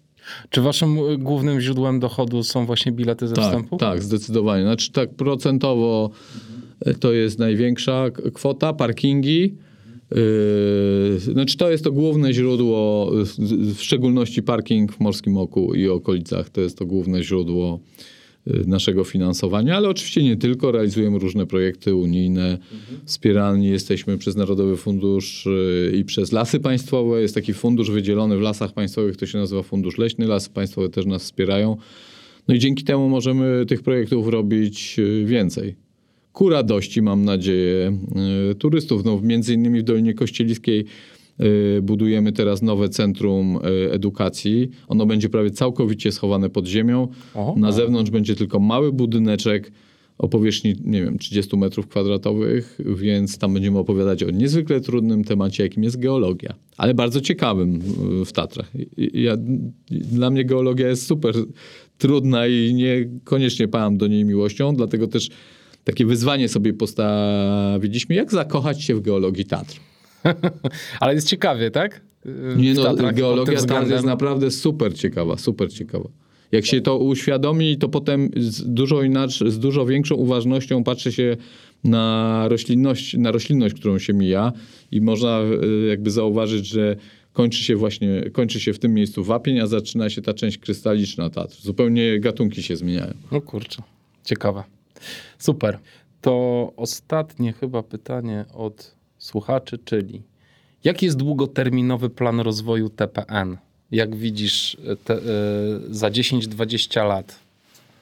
Ja, po, ja zawsze mówię tak, że z perspektywy ochrony przyrody y, te procesy zachodzą tak powoli, że y, trudno tu mówić o rozwoju. My mamy ten plan ochrony wspomniany, realizujemy pewne zabiegi ochronne, czyli tam, gdzie mm, mamy tą taką ochronę ścisłą, czyli zachowawczą, tam nie robimy praktycznie niczego. Y, tam, gdzie mamy ochronę czynną, y, staramy się przywrócić pierwotne gatunki, czyli głównie buka, trochę jodły i świerka. Mam taką nadzieję, że wędrując do Doliny Kościeliskiej za parę lat, no parę lat temu, jak wchodziliśmy do Doliny Kościeliskiej, po prawej był świerk, po lewej był świerk.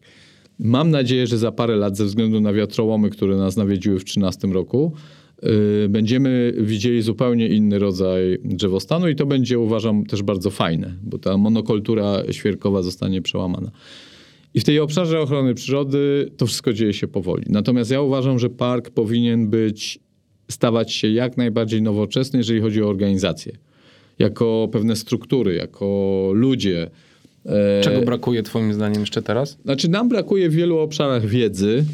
Na przykład teraz e, chcemy rozwinąć, chciałem powiedzieć, przemysł pamiątkowy, to znaczy widzimy w tym szansę też taką y, finansowania parku. Amerykańskie parki super mają z tego y, przychody. Stawiamy na jakość, na to, żeby to zrobi, było zrobione w Polsce, żeby te pamiątki odbiegały od tego, co można dostać na krupówkach. Y, i chcemy, y, i chcemy, mm, i to, to jest jeden z naszych y, kierunków. Chcemy ta, ten, ten system, znaczy nie system, tylko ten asortyment pamiątkowy mm, poszerzać. Kto wie, być może, bo trwają rozmowy, pojawią się lody tatrzańskie.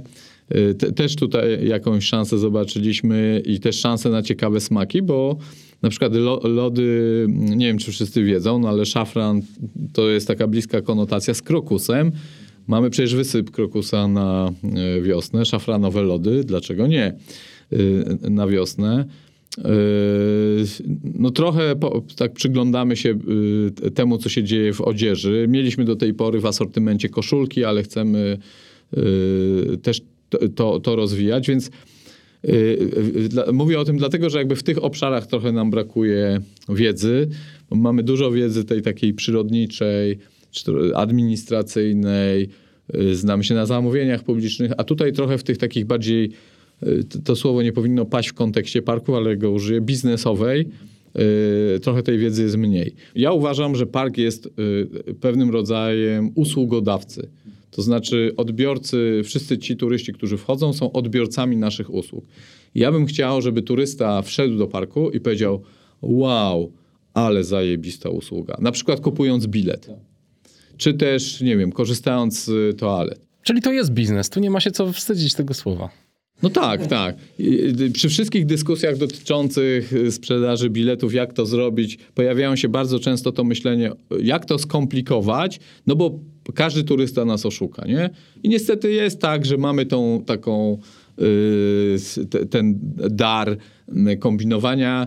Pewnie gdybyśmy powiedzieli, ok, kupujcie bilety, nie będziemy tego sprawdzać na, w punktach wejścia, to myślę, że spory odsetek yy, turystów by yy, tych biletów nie kupował, ale to jest takie moje marzenie, żeby nie było tych bramek, punktów wejścia, tylko po prostu, żeby turyści sami z siebie bilety kupowali i żeby jeszcze ta usługa, mam tu na myśli cały proces zakupowo-sprzedażowy, była taka z efektem wow. Yy, no bo usługa to jest coś, z czym się stykamy i można ją po prostu dobrze zaprojektować. A jeszcze się dopytam, bo ja nie wiem, zawsze jednorazowe bilety kupuję, a jest szansa kupienia karnetu całorocznego? Albo... Nie, nie. Nie ma. Nie, to pytanie zresztą mi ktoś ostatnio zadał, ale zmienia się teraz ustawa o ochronie przyrody i być może wprowadzone tam zostały, zostaną, my, my teraz tą ustawę konsultujemy, mm, trochę inne formaty na bilety, bo, no bo to jest, uważam, też dobry kierunek. Znowu wrócę do Stanów, oni mają te roczne mają. bilety i to też jest fajne, nie? To jest też taki element, można to powiązać z takim, nie wiem, nobilit- z czymś takim, co nobilituje, nie? Kupuję na bilet roczny, wchodzę, jestem trochę takim VIP-em w parku. Nie? Można wokół tego jakieś fajne story poukładać. Tak, absolutnie.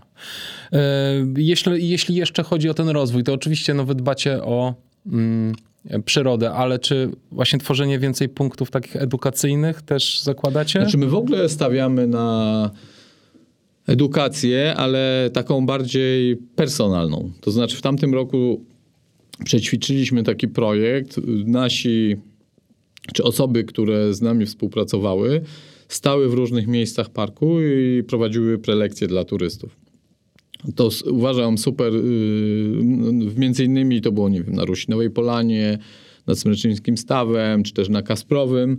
Y, to się spotkało z super takim odbiorem i to byśmy chcieli y, rozwijać, żeby jednak był człowiek, który mówi do człowieka i tego drugiego człowieka uwrażliwiał i takie, te, jakby taką misją tych wszystkich naszych projektów edukacyjnych było to, żeby każdy, kto wchodzi w, w Tatry, został zainspirowany pewną ideą, jaką jest ochrona przyrody. I wrócił potem w te Tatry inny trochę. Ja, ja być może tutaj trochę wchodzę, jakby wchodzę za zbyt wysokie tony, ale generalnie chodzi o to, żeby uwrażliwiać ludzi i budować w nich szacunek dla wszystkiego tego, co zielone.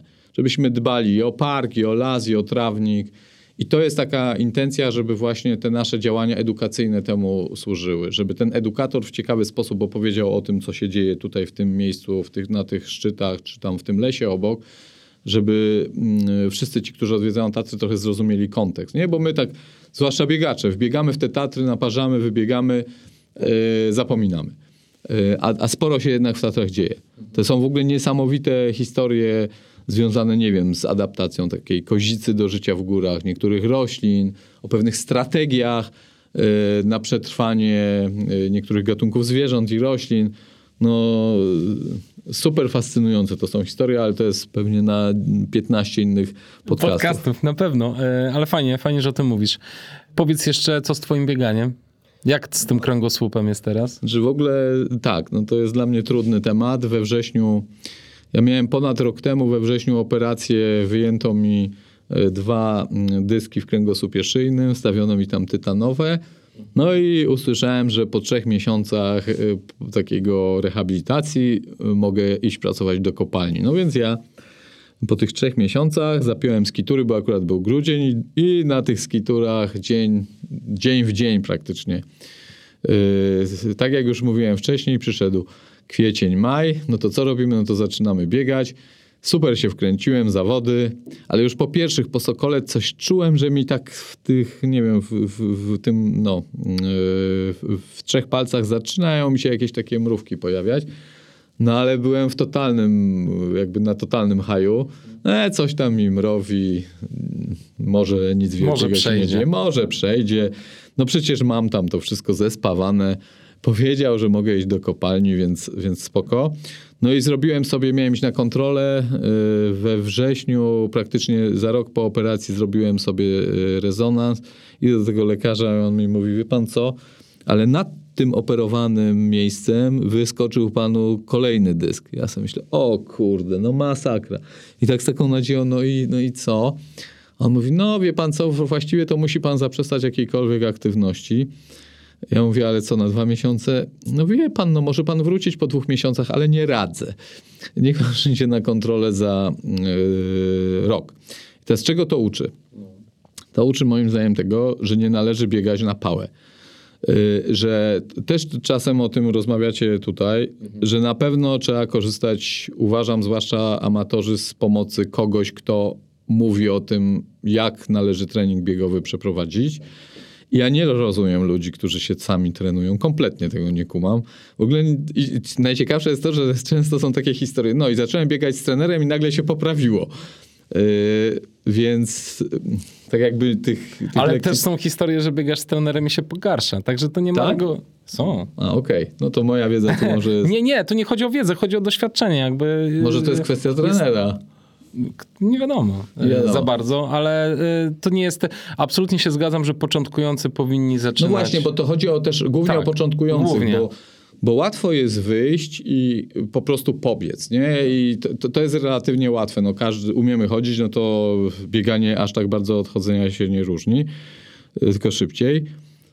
Natomiast no, niezwykle uważam ważne jest dbanie o kort. To znaczy ja to totalnie zlekceważyłem i teraz ponoszę tego koszty zdrowotne i koszty y, tych ćwiczeń okropnych, które robię z tą piłką, której nienawidzę, tą wielką, która po prostu jest... Ona jest świetna. Nie, ja ją nie, lubię. naprawdę. Ja już powiedziałem, że oczy takie namaluję na tej mojej i jakiś ładny uśmiech. E, No więc ja nie odrobiłem tej lekcji i widzę, że wielu biegaczy jej nie odrabia, bo naprawdę to, jak, jak widzi się, w, w jakich posturę przyjmują niektórzy biegacze, to jest naprawdę straszne. To ja się zastanawiam, jak oni w ogóle funkcjonują potem y, w życiu. Więc zachęcam wszystkich początkujących głównie biegaczy, żeby dbali o swój kręgosłup, o, e, o, o, o, brzuch, o barki, Plecy. o szyję, o plecy. Jest to ekstremalnie ważne, bo można y, niestety sobie zrobić krzywdę, czy to tak jak ja w kręgosłupie szyjnym. Jestem pewien, że to bieganie mi tutaj nie, po, nie, nie pomogło, a ja jeszcze mam taką postawę trochę przygarbioną. A powiedz, Więc- po jakim czasie biegania y, to by się odezwał ten kręgosłup? Wiesz co, przez y, styczeń, luty, marzec, kwiecień do połowy maja na skiturach nic mi się nie działo. I mm, Sokół był chyba w czerwcu, tak, Tak. mi się wydaje. Tak, no to tam mi się zaczęło, więc to jest relatywnie jakieś mm, po, nieco ponad miesiąc się pojawiły te pierwsze objawy. Więc, więc bardzo, znaczy mi się wydaje, że zbiegi. Zbiegi, tak, zbiegi są problematyczne dla kręgosłupa i dla w ogóle ciała na pewno. Zwłaszcza jeżeli się ma taki flakowaty kor. Właściwie się go nie ma wtedy. Y, Więc, więc tak, no, po prostu y, trzeba tą pracę wkładać, trzeba cierpieć, zaciskać zęby. Spotkałem się niedawno z Andrzejem Bargielem i tak tylko żeśmy się wy- wymienili, ja mówię, idę na salę poćwiczyć. On mówi, nienawidzę tego, nienawidzę, to jest najgorsza część treningu, więc ta nić porozumienia się y, pojawiła i to było też, to było też fajne. No i no co, co mam powiedzieć? No cierpię teraz, strasznie nie, nie słucham w ogóle podcastów, nie, rzadko śledzę Instagrama, bo tam paru biegaczy śledziłem, chociaż już zaczynam powoli do tego e, wracać. Udało mi się w zeszłym tygodniu przebiec 10 minut po bieżni mechanicznej, bo, bo e, e, moja fizjoterapeutka, która mnie manualnie morduje, e, nikt mi tyle bólu nie zadaje, co ona. Pozdrawiam cię, Kasiu. I ona jednocześnie opowiada mi o tym, jakie ćwiczenia robić. no mówi, że możesz spróbować na tej bieżni, bo, bo widzę, że tak trochę się postawa poprawiła, więc będę teraz stopniowo wracał. Chociaż jeszcze mam skitury, więc, więc zdecydowanie tam więcej czasu poświęcę. No i mam taką strategię, że będę zwiększał objętość. Zrobię sobie pewnie rezonans w czerwcu y, i, no i będę obserwował, co się dzieje po prostu w moim y, ciele, ale niesamowicie chcę bardzo do biegania wrócić. I tu mieliśmy taką wymianę przed, że strasznie mało jest w internecie y, ja to naz- jakby różnych takich filmików instruktażowych, y, jak wzmacniać swój organizm, jeżeli jesteś taki dość drewniany. O, może tak, nie? I yy, więc takie filmiki powinny powstać dla tych, Czyli którzy nie amatorzy są. dla amatorów. Tak, którzy nie są zbyt elastyczni, żeby trochę. Bo jest to potwornie frustrujące, jak, jak yy, moja trenerka, która mi mówi, jakby w tym w kwestii rehabilitacji, mówi: No to dotknij ręką. To ja mówię: To Kaśka, no nie mogę, nie jestem w stanie dotknąć. No po prostu strasznie mnie to morduje. Że mało jest materiałów dla takich mm, sztywniaków. E, Więc- zgodzę się. tak, mało- mało jest. Wie- A, a sporo jest z kolei, no nawet pamiętam ostatnio śledziłem, no w, w, wpiszę sobie wzmocnienie, nie wiem, barków, no to ten tu się popisuje no, takimi ćwiczeniami innymi. A z- są, jesteśmy też my, początkujący, amatorzy, niekoniecznie rozbudowani y, mięśniowo i niekoniecznie elastyczni. Prosimy o filmy dla nas. Prosimy wszystkich. Może Bodyworks Poznania coś na, nagra dla nas. O Dobrze. właśnie, byłoby super. Słuchaj, dobrze, Szymon, bardzo ci dziękuję, Ja że również przyjechałeś. bardzo dziękuję. I mam nadzieję, że dla naszych słuchaczy, biegaczy to będzie stanowiło dużą wartość to, co powiedziałeś i, i też może ciśnienie troszeczkę zejdzie. No są po prostu rzeczy większe od nas. No nie jesteśmy w stanie, zwłaszcza w tak dużej i skomplikowanej strukturze, w jakiej jest TPN i te wszystkie obostrzenia, pod którymi jesteście, no to nie, niełatwo się tutaj przepisy, wielu interesariuszy, wiele różnych, ym, wiele różnych potrzeb, różnych użytkowników. No, trzeba się w tym jakoś obracać, ale ja wychodzę, ja zawsze powtarzam tak, nie komentuję spraw, które się dzieją w innych parkach, bo ja nie znam kontekstu.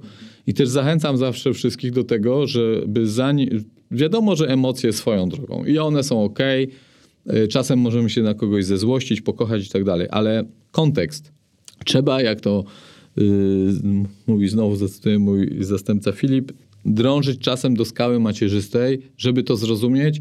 I, I wtedy to jest fajne, że można wejść w dialog. Nie? Okej, ja rozumiem, że masz takie ograniczenia, ale pogadajmy o tym, bo mam na przykład taki, a nie inny pomysł na to, żeby ten problem rozwiązać. Przecież ja nie mówię, że jestem alfą i omegą i że wszystko rozumiem i wiem, jak cały świat jest skonstruowany. Dla mnie to jest super, jeżeli ktoś przychodzi i mówi, ok, takie macie ograniczenia, takie limity, takie tamto, takie uwarunkowania, ale słuchaj, może tak. A ja wtedy mówię, okej, no super pomysł, nie? Czemu nie? Właściwie aż głupi jestem, że chyba, że na to nie wpadłem. Zwłaszcza, że proste rozwiązania są najtrudniejsze zawsze do odkrycia. Yy, więc tak, sz- tr- trzeba szukać tego, rozumieć kontekst i, i, i drążyć do, do źródeł. Yy, ja zapraszam wszystkich tych, którzy yy, będą mieli różne pomysły na to, co w Tatrach można zrobić. Być może, tak jak ten bieg Słowacja, Polska, może się odbędzie. A powiedz jeszcze, jak ty sobie radzisz z presją, E, bo wiele osób utożsamia zło, które jest w TPN-ie z dyrektorem TPN-u, bo to dyrektor podejmuje decyzje i często ty jesteś personalnie wymieniany jako źródło zła. Tak. Jak sobie z tym radzisz w ogóle? Znaczy tak, no przede wszystkim nie uważam, że jestem źródłem zła. Yy, mm, z takiej perspektywy, że staram się naprawdę zawsze te decyzcie wyważyć, ale też, jak już powiedziałem wcześniej, jestem otwarty naprawdę na dialog yy, i się z czasem śmiejemy yy, z, z różnymi yy, osobami, które w Tatrach działają, bo kiedyś usłyszałem od jednej, pozdrawiam ją tutaj, właścicielki schronisk w Tatrach, Szymon, ale ty jesteś trudny. Więc zawsze sobie to przypominamy i się z tego śmiejemy. Więc to jakby rozmowa. Ja jestem otwarty na rozmowę yy, i yy, myślę, że potrafię rozmawiać, potrafię zrozumieć drugą stronę, ale czasem mam takie, a nie inne uwarunkowania, ograniczenia, a może i klapki na oczach, bo też mogę mieć. To jest raz. Po drugie, staram się nie czytać komentarzy, y, bo można naprawdę zwariować. Zwłaszcza w niektórych mediach y, ilość takiego syfu, który się wylewa, jest nieprawdopodobny, ale myślę, że każdy, kto gdzieś tam o sobie coś czytał w, w, w mediach, no to wie, wie, jak to jest, zwłaszcza jeżeli się podejmuje kontrowersyjne decyzje. Ja po prostu robię swoje i uważam, że trzeba robić w to, co się wierzy. Jeżeli tak jest, to z pełną konsekwencją, oczywiście wsłuchując się w głos y, innych, yy, naparzać, yy, bo i wtedy raczej idzie to w dobrym kierunku. Oczywiście można za chwilę powiedzieć, co to znaczy robić swoje. Nie? Ja po prostu uważam, że, że robię to, co wypływa ze mnie, ze środka, w co wierzę, y, jak myślę o świecie. Chcesz dobrze. Chcę dobrze, właśnie. Mhm. To jest. Masz myślę, intencje tak, czyste. Tak, mam mhm. czyste intencje. Nie chcę nikogo zrobić w konia, nikomu nie chcę zrobić na złość, chociaż czasem by się chciało. Mhm. I, i, no i tyle, nie? I, jeżeli się ma, ma właśnie, nie robi się na złość czyste intencje i się też wierzy, ma tą siłę wewnętrzną, że na niektóre rzeczy mówię zdecydowanie nie, a niektóre pogadajmy, a niektóre ok, róbmy, no to to jakby musi być mocno we mnie zakorzenione i wtedy się, się uodparniam też na, na to, ale dodam, że bieganie było dla mnie turbo odtrutką na te różne sytuacje trudne. Pamiętam taki moment, jak biegliśmy sobie z Beatą, bo z, praktycznie każdy trening z nią odbywałem, przypomnę, nasza szefowa edukacji, więc wszystko to, co z edukacją związane, to dzieło Beaty i jej zespołu. I Beata taka wychodzi i mówi, to źle, to źle, to źle, wszystko źle. Ja mówię, Beata, poczuj ten moment. Co masz pod stopami? Poczuj ten wiatr. Poczuj tu, że, że jesteśmy tu dokładnie w tym momencie, co jest wokół nas. Wrócimy sobie zaraz do tej rozmowy po prostu zre, zresetujmy się teraz. Zapominam o tym często, ale sobie to y, potem przypominaliśmy, że właśnie bieganie super pozwoliło wyrzucić, jak, jak to mówię, przepalić organizm. Więc mam nadzieję, że, w, że y, wrócę do tego i jak nie w tym roku, to jest mało prawdopodobne, to, to e, w kolejnym w maratonie tatrzańskim ponownie wystartuję, bo była to jedna z fajniejszych imprez, w której, którą mi się udało ukończyć. Szymon, dziękuję Ci bardzo za rozmowę i do zobaczenia na zawodach w takim razie. Oby, oby tak się stało, albo może w innym kontekście obserwatora. Do zobaczenia. Dzięki, Dzięki. bardzo za zaproszenie. Dzięki. Dziękuję. Dzięki. Hej.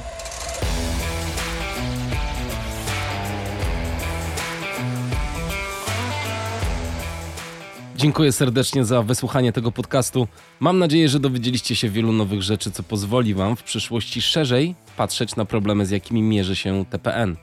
Myślę, że kluczowe jest to, aby nie podejrzewać nikogo o złe intencje. Problemy do rozwiązania są duże, grup nacisku sporo. Każdy ciągnie w swoją stronę i niezależnie od podjętych decyzji, wszystkich one nie zadowolą. Mam jednak przekonanie, że zwiększenie limitu na imprezy sportowe w Tatrach nikomu nie zaszkodzi, ani turystom, ani zwierzętom. Turyści na sportowców reagują cudownie, biegacze w zasadzie nie śmiecą.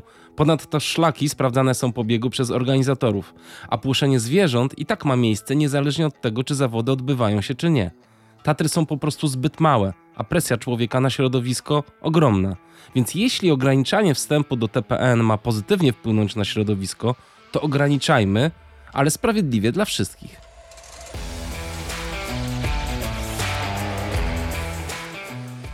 Podcast Black Hat Ultra funkcjonuje tylko i wyłącznie dzięki wpłatom patronów i bardzo dziękuję aktywnym patronom za to, że ciągle ze mną są.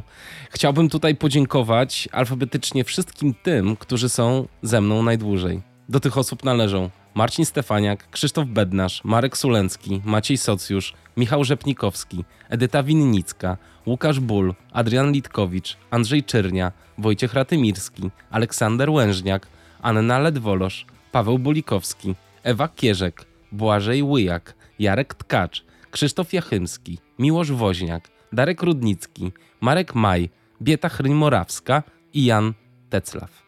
W tej chwili podcast Black Hat Ultra wspiera 215 osób i jest to wynik absolutnie niewiarygodny. W życiu nie spodziewałem się, że tylu z Was będzie chciało wspierać to przedsięwzięcie. Także jestem totalnie, totalnie wzruszony. Muszę powiedzieć, że bardzo dobrze mi się z wami współpracuje. Bardzo się cieszę, że nie muszę dogadywać się z jakimiś dużymi brandami, żeby e, ten podcast mógł funkcjonować dalej. Na razie wasze wpłaty i to, że ja normalnie pracuję i zarabiam na swoje utrzymanie, pozwala mi ciągnąć ten projekt i no, mega, mega się z tego cieszę. Bardzo mi to odpowiada i mam nadzieję, że tak będziemy mogli kontynuować naszą współpracę dłużej. Ściskam Was serdecznie. Czasy mamy niełatwe. Mam nadzieję, że u Was wszystko dobrze. Życzę Wam dużo spokoju, podejmowania mądrych decyzji i pomagajmy Ukrainie z pełną świadomością tego, że pomagamy również sobie i dbamy o siebie w tym wszystkim. No i pamiętajmy, to szybko się nie skończy. Trzymajcie się. Pa.